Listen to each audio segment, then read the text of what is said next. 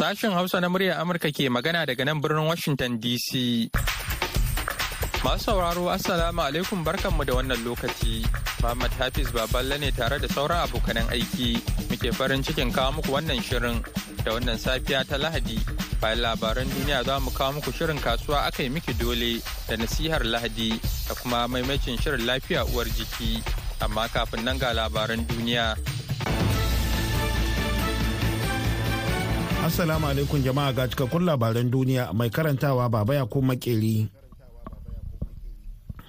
Shugaban ƙasar Ukraine Volodymyr Zelensky ya faɗa a jiya Asabar cewa al'amura sun rincaɓe a gabashin Ukraine yayin da ƙasar Rasha ke ci gaba da lugudan wuta a yankunan Chernihiv, Saprosia, Dnipropetrovsk, Kharkiv, Luhansk, Donetsk da kuma Mykolaiv.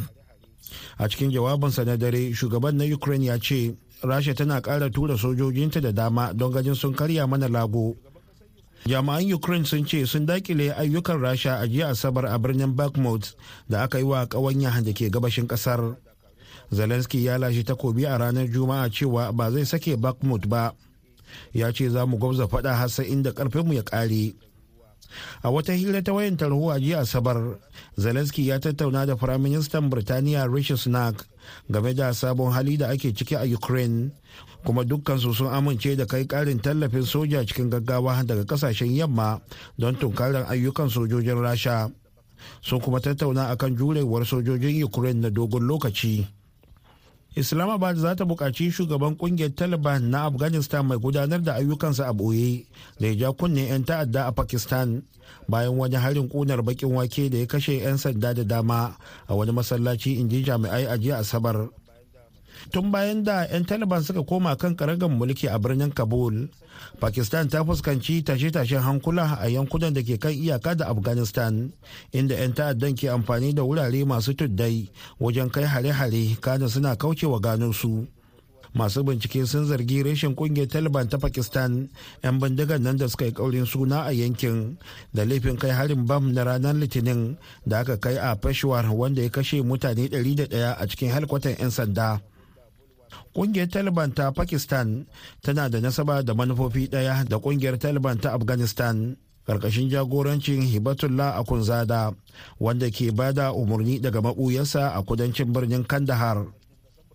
Mataimaki na musamman ga firaministan pakistan shabaz sharif mai suna faisal karim kundi ya ce za a aike da tawagogi zuwa Tehran da Kabul domin neman su tabbatar da ganin 'yan ta'adda ba su yi amfani da kasashensu wajen kaiwa Pakistan ta'addanci ba.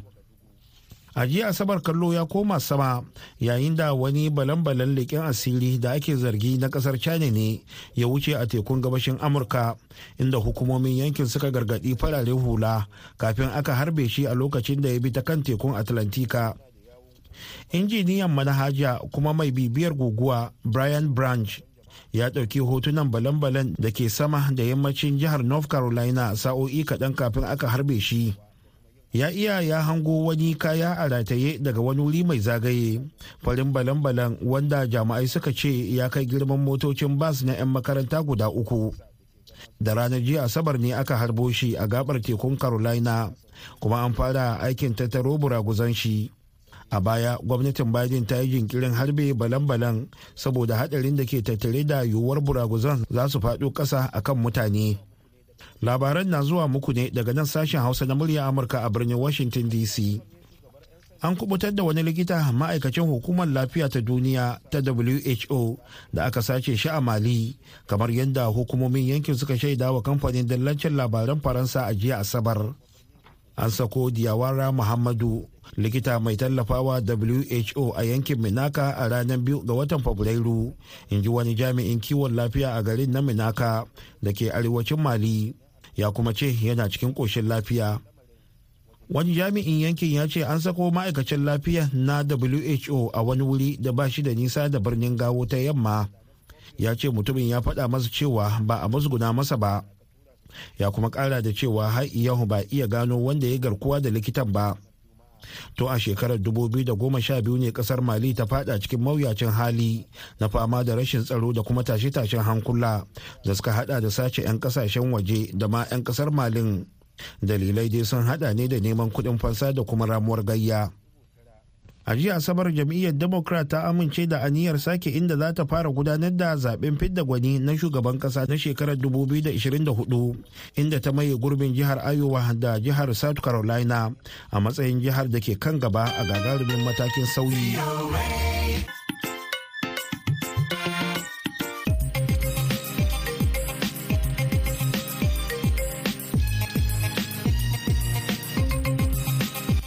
Labaran duniya kuka saurara daga nan sashen Hausa na muryar Amurka a birnin Washington DC. Yanzu kuma sai a gyara zama domin jin shirinmu na gaba. Shirin BOA Hausa Kasuwa a kai ne Kasuwa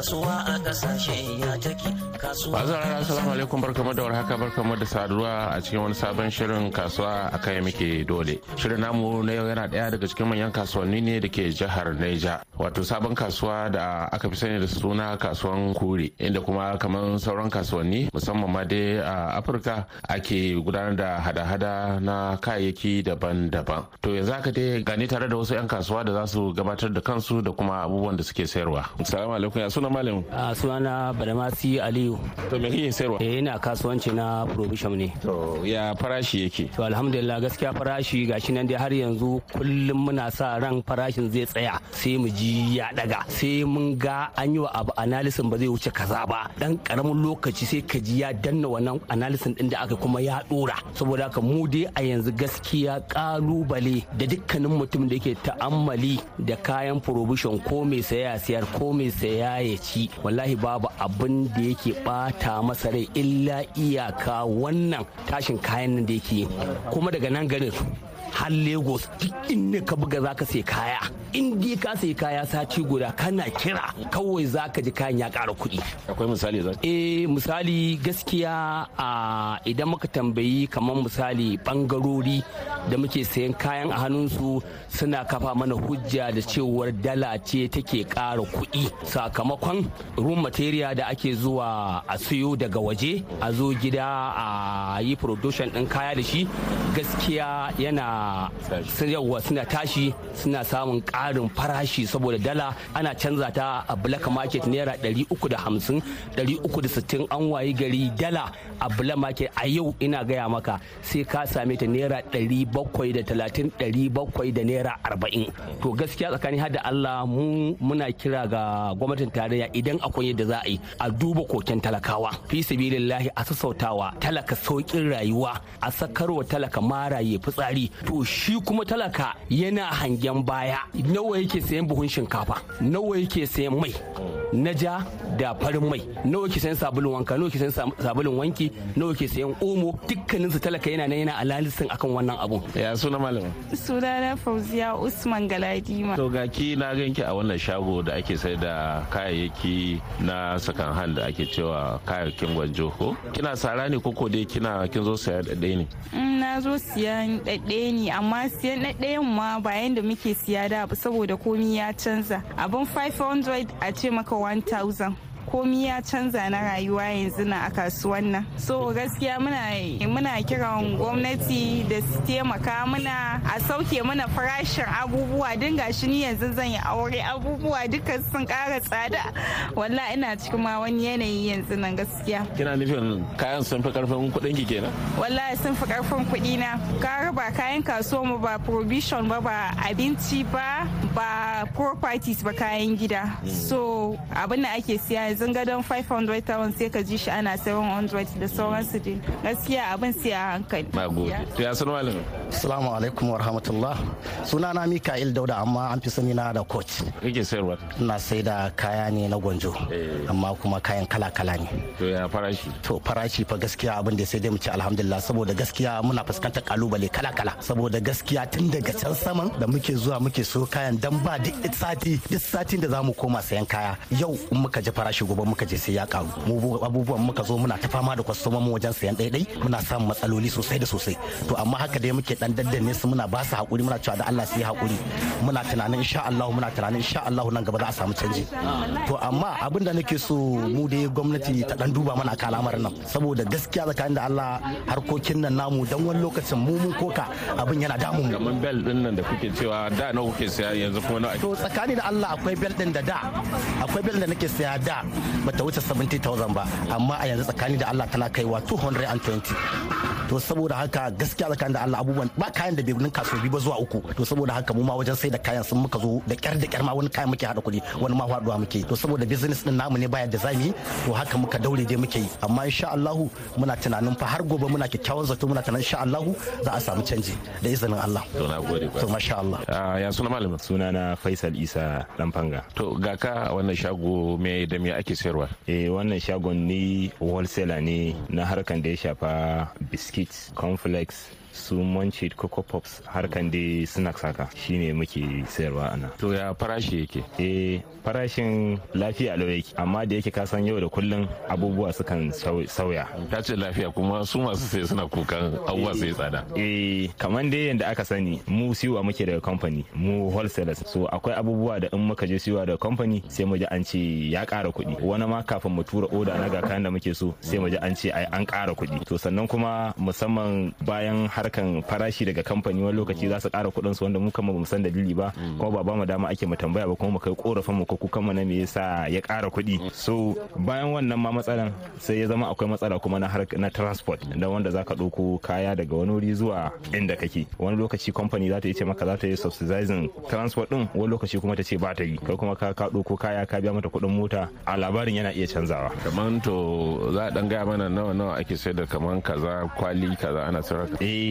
akwai kwali akwai biskit by 72 wanda za ka ga shi yawanci na naira 20-20 ne. Lokaci wannan za ka same shi ana sayar da shi a 1300 wurin retailers kenan wata 1400 a wurin retailers kenan ba wurin wholesalers. Sai ya zama kamfani kuma yanzu ta canza shi. Ta mayar da shi 72 ke ciki sai kuma ya koma 120 wanda da yana 1300 1400 yanzu kuma ya koma 2200 sannan kuma sai aka zo bayan an yi wannan ma mutum kaga wancan dan ƙaramin mutum zai iya zuwa siyan ma yaron shi dan zuwa makaranta amma kuma yanzu nan ya koma 2000 abin da yake 1300 1400 yanzu ya koma 2200 sannan kuma sai aka zo kuma suka zo suka ce ai su ma na naira 20 20 ma za su daina yi. Za su mayar da shi na 50 50 kenan. Na 50 50 yakan zo by 48 kenan 48 cikin kwali. Za ka gan shi kwali ne dai madaidaici haka. 48 yake zuwa naira 50 50 kenan. To shi ne yake a za ka samu 2200 2,100 haka su yake. To duk a garin ku yana da alaka ne kamar da canjin farashi na dala. Eh yanda wasu ke faɗi amma kuma yawancin abubuwan gida kamar yanzu da gwamnatin ka ta zo sai aka ce ai yanzu wasu kamfanin ma an zama masu tilas sai sun yi producing abubuwa sun sayi abubuwan kayan gida sun yi abin gida. To kuma abu ya zama na cikin gida me ya haɗa shi da dala. To duk wannan wanda za a ce wai wancan abu ya haɗa shi da dala ya haɗa shi da dala ni dai a matsayina na wanda ya karanci dan fanni haka na economics da finance in aka ce mun abu wai na gida an hada shi da abun kuɗin waje. Sai ya ɗauke shi kawai zance ce. Abin wani an ɗauke an ɗauke shi wani fasali da wani manufa na daban. Kuma sannan kuma irin consumer protection council gaba ɗaya ba su aikin su a ƙasa ba su aikin su sannan kuma gwamnati ta ɗanyi sakaci. Standard organization of nigeria ba su aikin mu na a nan kasuwa ma sai mai ta sai in yi ta tunanin wai shin organizations ɗin suna existing ko kuma ba su ya suna malam? Da farko dai suna na Sufiyani Lawal Muhammad. Ne dan Nijar ne da nake kasuwanci a Najeriya cikin garin Mina. Eh gaskiya dai a yanzu dole ne abubuwan sun canza gaba ɗaya kamar yadda muke sayan kayayyakin da a yanzu ya wuce haka nan. Ka kamar yanzu su fagetin nan da abin da muke sayan katon ɗin shi dubu uku da ɗari biyar. Amma yanzu ya kasance katon ɗin shi naira dubu bakwai ne. To yanzu abin da muke sai da fis ɗin shi naira ɗari huɗu eh wani gurin kuma in an samu ɗan rage muna sayar da shi ɗari huɗu ba naira ashirin. Abin da muke sayar da shi kenan. Yauwa sai kasance kamar su indomi ɗin nan. Kaga wannan pack ɗin da kwalin shi yana matsayin naira dubu uku da ɗari biyu amma yanzu kwalin shi ya kai kusan naira dubu huɗu har da wani abu. To yanzu abin da muke sayar da shi pieces muna sayar da da shi 170 naira 170 kenan. Kamar su kwai magi yanzu kamar magi sita ɗin nan kaga yana abun nan din shi yana na kan abun nan din shi yana naira ɗari huɗu da hamsin. Amma yanzu abun da ake sayar da shi ɗari bakwai. Paket din shi guda kenan naira ɗari bakwai. Yanzu abun da zaka sayar da shi in kana so ka dan samu wani ba ka sai dai ka sayar da shi duka akan guda ɗaya naira goma. Haka muke sayar da shi. Kamar kwai yanzu da abun da muke sayan shi muna sayan shi naira dubu da ɗari biyu crate yanzu ya kasance abun da zaka sayi shi naira dubu biyu da ɗari ɗaya. Dole abun da muke sayar da shi mu ma naira casa'in casa'in muke sayar da shi domin mu samu wani abu. Abun da muke sayar sayarwa kenan. Kamar madara fa? Eh madara wannan kamar fik abin da muke sayan shi da kwalin shi naira dubu goma sha ɗaya da ɗari bakwai. Amma yanzu kuɗin shi kwali ya kai naira dubu goma sha tara. Abinda ake sayar da shi kenan. Yanzu abin da muke sayar da shi muna sayan shi akan kowane guda ɗaya muna sayan shi akan 95 naira muna sayar da shi naira ɗari ɗari. Abinda muke sayar da shi kenan. Kamar loya milk ɗin nan ma haka ne. Kamar fi'in cowbell ɗin nan. Kaga da shi ma muna sayan shi naira ɗari uku da hamsin roll ɗin shi. Amma yanzu abin da muke ake sayan mana da shi za ka saye shi matsayin naira ɗari shida da naira hamsin ka zo ka sai da shi ɗari bakwai roll kenan kowane fisa za ka sai da shi naira saba'in saba'in abin da muke sayar da shi kenan yanzu. to ba saurare ƙarshen shirin namu na wannan safiya kenan shirin kasuwa a miki dole wanda ni baban jibrin na gabatar a huta lafiya. Shirin BOA Hausa kasuwa Masu sauraro kada a shafa har yanzu ana tare ne da sashen Hausa na muryar Amurka a birnin Washington DC. Yanzu kuma ga nasihar Lahadi.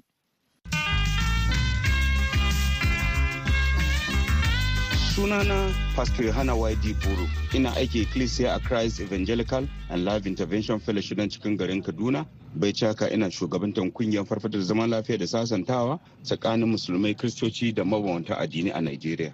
Jama'a dole kowane mutum ya ji tsoron Allah. Domin littafin mai tsarki ya yi mana maganar zaman lafiya a littafin Matta Sura biyar aya tara. Da cewa masu albarka ne ku masu sada zumunci ko kuwa masu wanzar da zaman lafiya. To ko kai musulmi ne, ko kai krista ne, ko kana bin wata addini daban, to ga magana nan. Maganan zaman lafiya ba na krista kadai ba ko na musulmi kadai, bil'adama ne gaba ɗaya. Har da dabbobi da muhalli na bukatan zaman lafiya. Duk abin da ke da rai na bukatan zaman lafiya. Domin da haka ina so in kira ga ya ku matasa, matasan Najeriya, tun daga arewa har Najeriya gaba ɗaya. Matasan kristoci ne ko matasan musulmi? Mun san cewa akwai tarbiyya irin ta addinin krista ko ta addinin musulunci. Akwai tarbiyya irin ta iyaye da aka yi mana tun muna yara. Akwai tarbiyyar da aka yi mana ko ta ilimin boko ko ta ilimin addini. Domin da haka ina son kira ga ku matasa an fara kugen siyasa kakan siyasa ta bayana masu cin da zufanku sun saba za su yaudare ku akan son biyan wa kansu buƙata da iyalansu. Su yi amfani da ku don samu kuri'u su ci zaɓe a maranar rantsar da su ba za ma tuna akwai talaka a ƙasar nan ba sai dai su da iyalansu da abokanansu.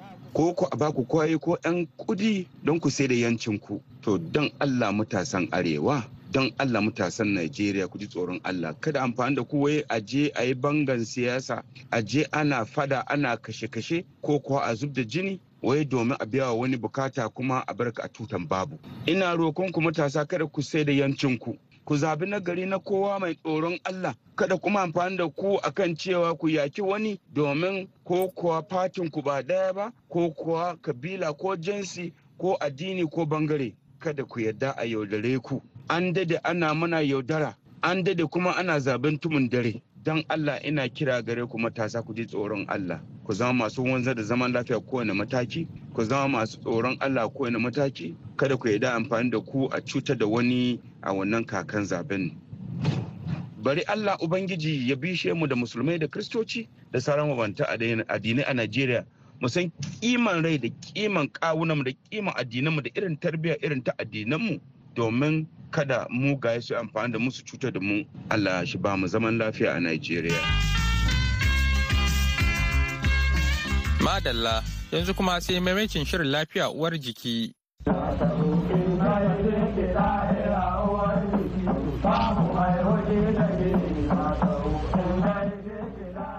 Jama'a masu sauraron mu barkanku da warhaka, barkanku da sake kasancewa tare da mu a cikin wani sabon shirin lafiya uwar jiki tare da ni Hauwa Umar. Shirin lafiya uwar jiki na wannan mako zai leƙa ne jamhuriyar Nijar inda aka samu bullar wata nau'in sabuwar cutar polio a jihar Maradi wanda hakan ya sa mahukunta da jami'an kiwon lafiya na ƙasar suka kudura aniyar daƙile cutar ta hanyar bawa yara rigakafi. Sai dai kuma jama'ar garin na da mabambanta ra'ayi game da maganin rigakafin. Ga dai ta bakin wasu al'ummar garin maradi a hirarsu da abokin aiki na mansur sani. Ya suna na lauli garba nan nake maradi jamhuriyar nijar. Me ra'ayinka? Ya kake kallon me a kashe wannan labari ma? Ka musu ita polio ya kamata ce ta mata daga jamhuriyar nijar. Me yasa? Irin magungunan da yara suka sha shekara shekaru suna sha na maganin polio ya kamata a ce polio ta kawar daga jamhuriyar nijar. Amma kasancewa yanzu an ce mu ta balla cikin wannan ruwa saboda Allah nan ni ba ma raba bayan raba. Me yasa? Saboda abin da yasa bayan raba ai akwai wanda sun yi mutabakuna manya da kasamta da komai ana yi cikin su ba su samu da wannan bullar cutar nan ba ta bullar wajensa ba. Sai mu to mu menene yasa ta yi mu? Mu da muna talaka huku da muna mi. Shi ne kenan mu ni kwata kwata ni a nawa ra'ayi na kwata kwata mun bayar da akwai ta ba. San ai can ba ai magana rage haihuwa ko? To amma da yake Allah ne ke yi ba mutum ke yi ba.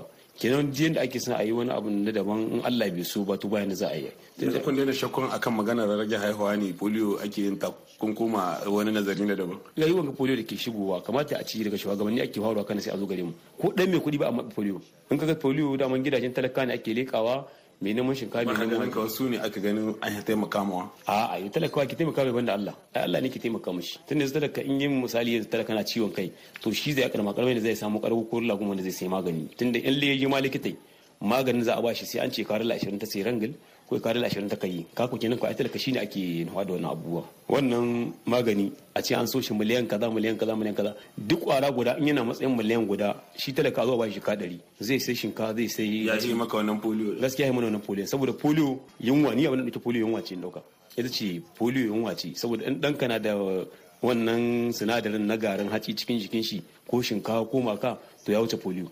A ya wuce polio. To menene ma shawarar ka ga magidanta da sauran al'umma akan tsaye dodiyansu ko kuma in ce ku hidodiyan ku a ba su wannan rigakafi? A'a shawara ta guda ce wanda yana iyawa ya ba da dan shi a bashi wanda kuma ya ce bai so a ba dan shi ba. Da irin ra'ayinka? Eh wanda bai so a ba dan shi ba bai kamata ma a ci da sa shi ba a ce dole sai an bashi gaskiya sako na guda ne zuwa biyu ga hukumomi. Hukumomi kahin su zo mu da wata cuta su ce mu ga cuta ga ita tabbas Allah ya shi cuta kuma shi magani. Amma ya kamata saƙon polio kamata ya saboda Allah na kwata kwata a ce ma babu shi. Nan da mu da jamhuriyar Nijar kamata a ce babu shi. Lalle da ba daga mun polio nan ni gara ka mun tiyabi ta ci ta hiyala ne eh da daga ni ba ba ma su ba ko ni za a daga ma. To a daga man a daga man tiyabi ya ya daga mani polio. Bugu a daga maka polio sanda a daga ba a wada daga man da hatsin tiya bi kana sai a daga mani polin daga baya.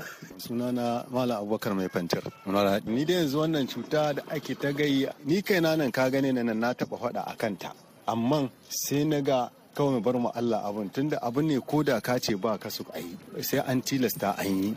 Na ɗaya kuma sannan su mu yanzu abin da za mu cewa dangane da likitoci mu dai amana ce gare su. Kuma mu ba mu san komi ba su suka sani. Kuma su musulmi ne mu musulmi.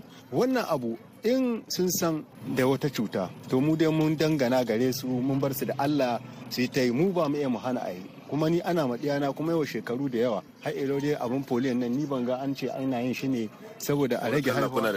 muna da ɗaya ni yanzu haka ɗana wanda ke raye ya kai ɗa ishirin ba duk sun sha polio kuma har yanzu ni ban ga abin da aka ce kuma suna suna haihuwa. Kuma ni ban ga abin da ta yi musu ba. Abu da ne na mutane kowa da irin ra'ayin shi. Kaji ni ra'ayina dai ni yanzu ni ana madiyana amma ni ban sani ba wannan ruwan da ake cewa gaskiya ne ba gaskiya ne. Mu dai likitoci mun ba su amana. In suka cuce mu ta wannan dan kansu.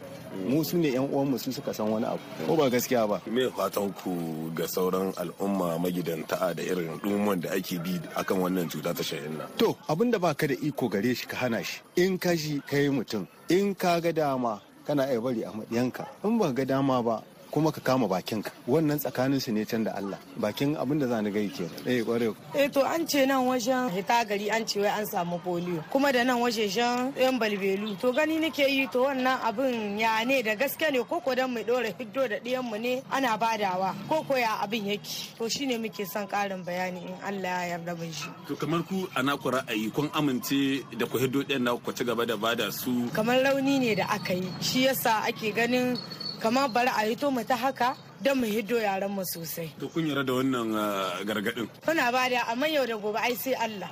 Ko? a mun gaji ne. Ana ta shakku a ce ko polio tana hana haihuwa ga ɗiya mata ko kuma wasu abubuwa. Akwai ɗayan da sun kai shekara ashirin sun sha polio kuma sun haihu. Ni zaki ce a wannan gaskiya kuma shita shita ne. Tsakanin da Allah ko munan mun sha polio ga mana muna ta haihuwa. Mu yi ta bare mu yi ta bana. Wannan kuma duk shirme ne duk shahilci ne ke sa haka ni zaki ce mu uwaye mata? To sai yana da huro ko na ga uwaye mata su hito da ɗiyansu a musu rigakafin shausha shan inna. Madalla a nasa ɓangaren mai kula da harkokin yada labaru na ma'aikatar kiwon lafiya ta jihar Maradi Ɗayyabu Malam Lawali ya bayyana yadda aka gano ƙwayar cutar a jihar tare kuma da yin bayani kan bambancin ta da waccan cutar polio da aka jima da sani. Duka faɗin ƙasa ba ne ake yin shi. Ana yin shi a hayyamai da kuma nan jihar maradi. Yalla mutane zai sai mamaki dan mi waɗanga jihohin biyu abin da ya wannan jihohin biyu zan ma mutane dan tuni kaɗan. Kun da a cikin duka hanyoyin da ake bi na yaƙi da wannan cuta ta polio banda allurai da ake yi banda waye kai da ake yi banda sa ido a wajen al'umma hallo akwai wani sashe na wajen kamar sa ido ko bi sau da kafa wajen muhalli. To shi kuma wannan wani irin aiki ne ake. Akwai ruwa na kazamta misali na gwalalo waɗanda ake ɗauka kowane sati biyu a cikin wata.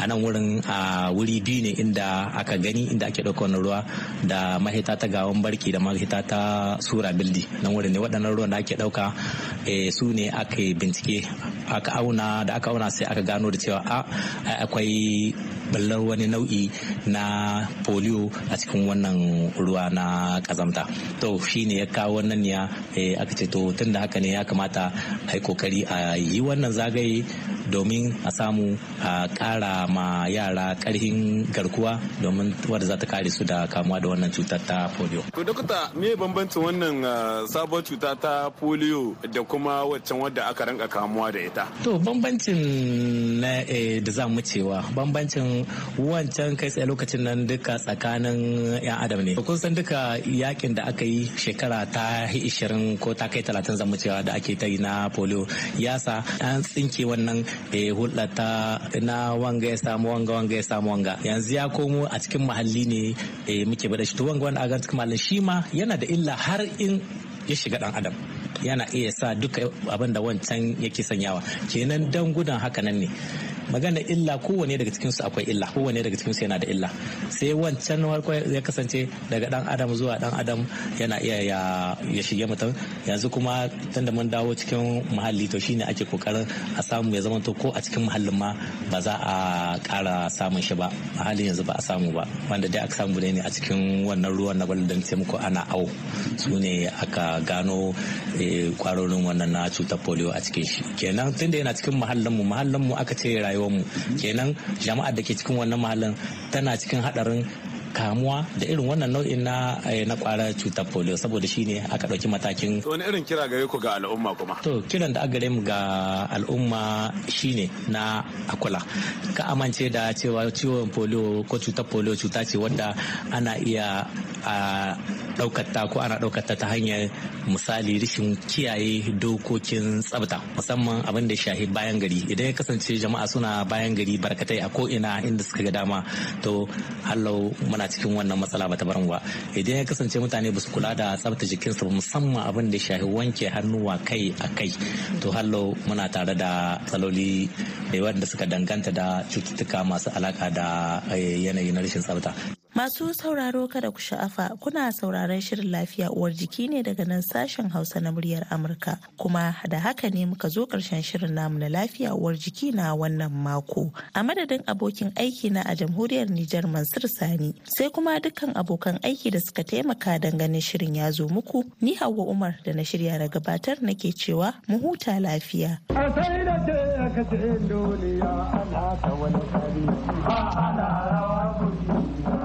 Wannan shirin na zuwar muku ne kai tsaye daga nan sashin Hausa na muryar Amurka a birnin Washington DC. Yanzu a madadin dukan waɗanda suka ba da gudunmawa ga nasarar wannan shirin da suka hada da Julie Gresham da ta haɗa shirin da ba da umarni, Muhammad Hafiz Baballake sallama da ku, a wuni lafiya.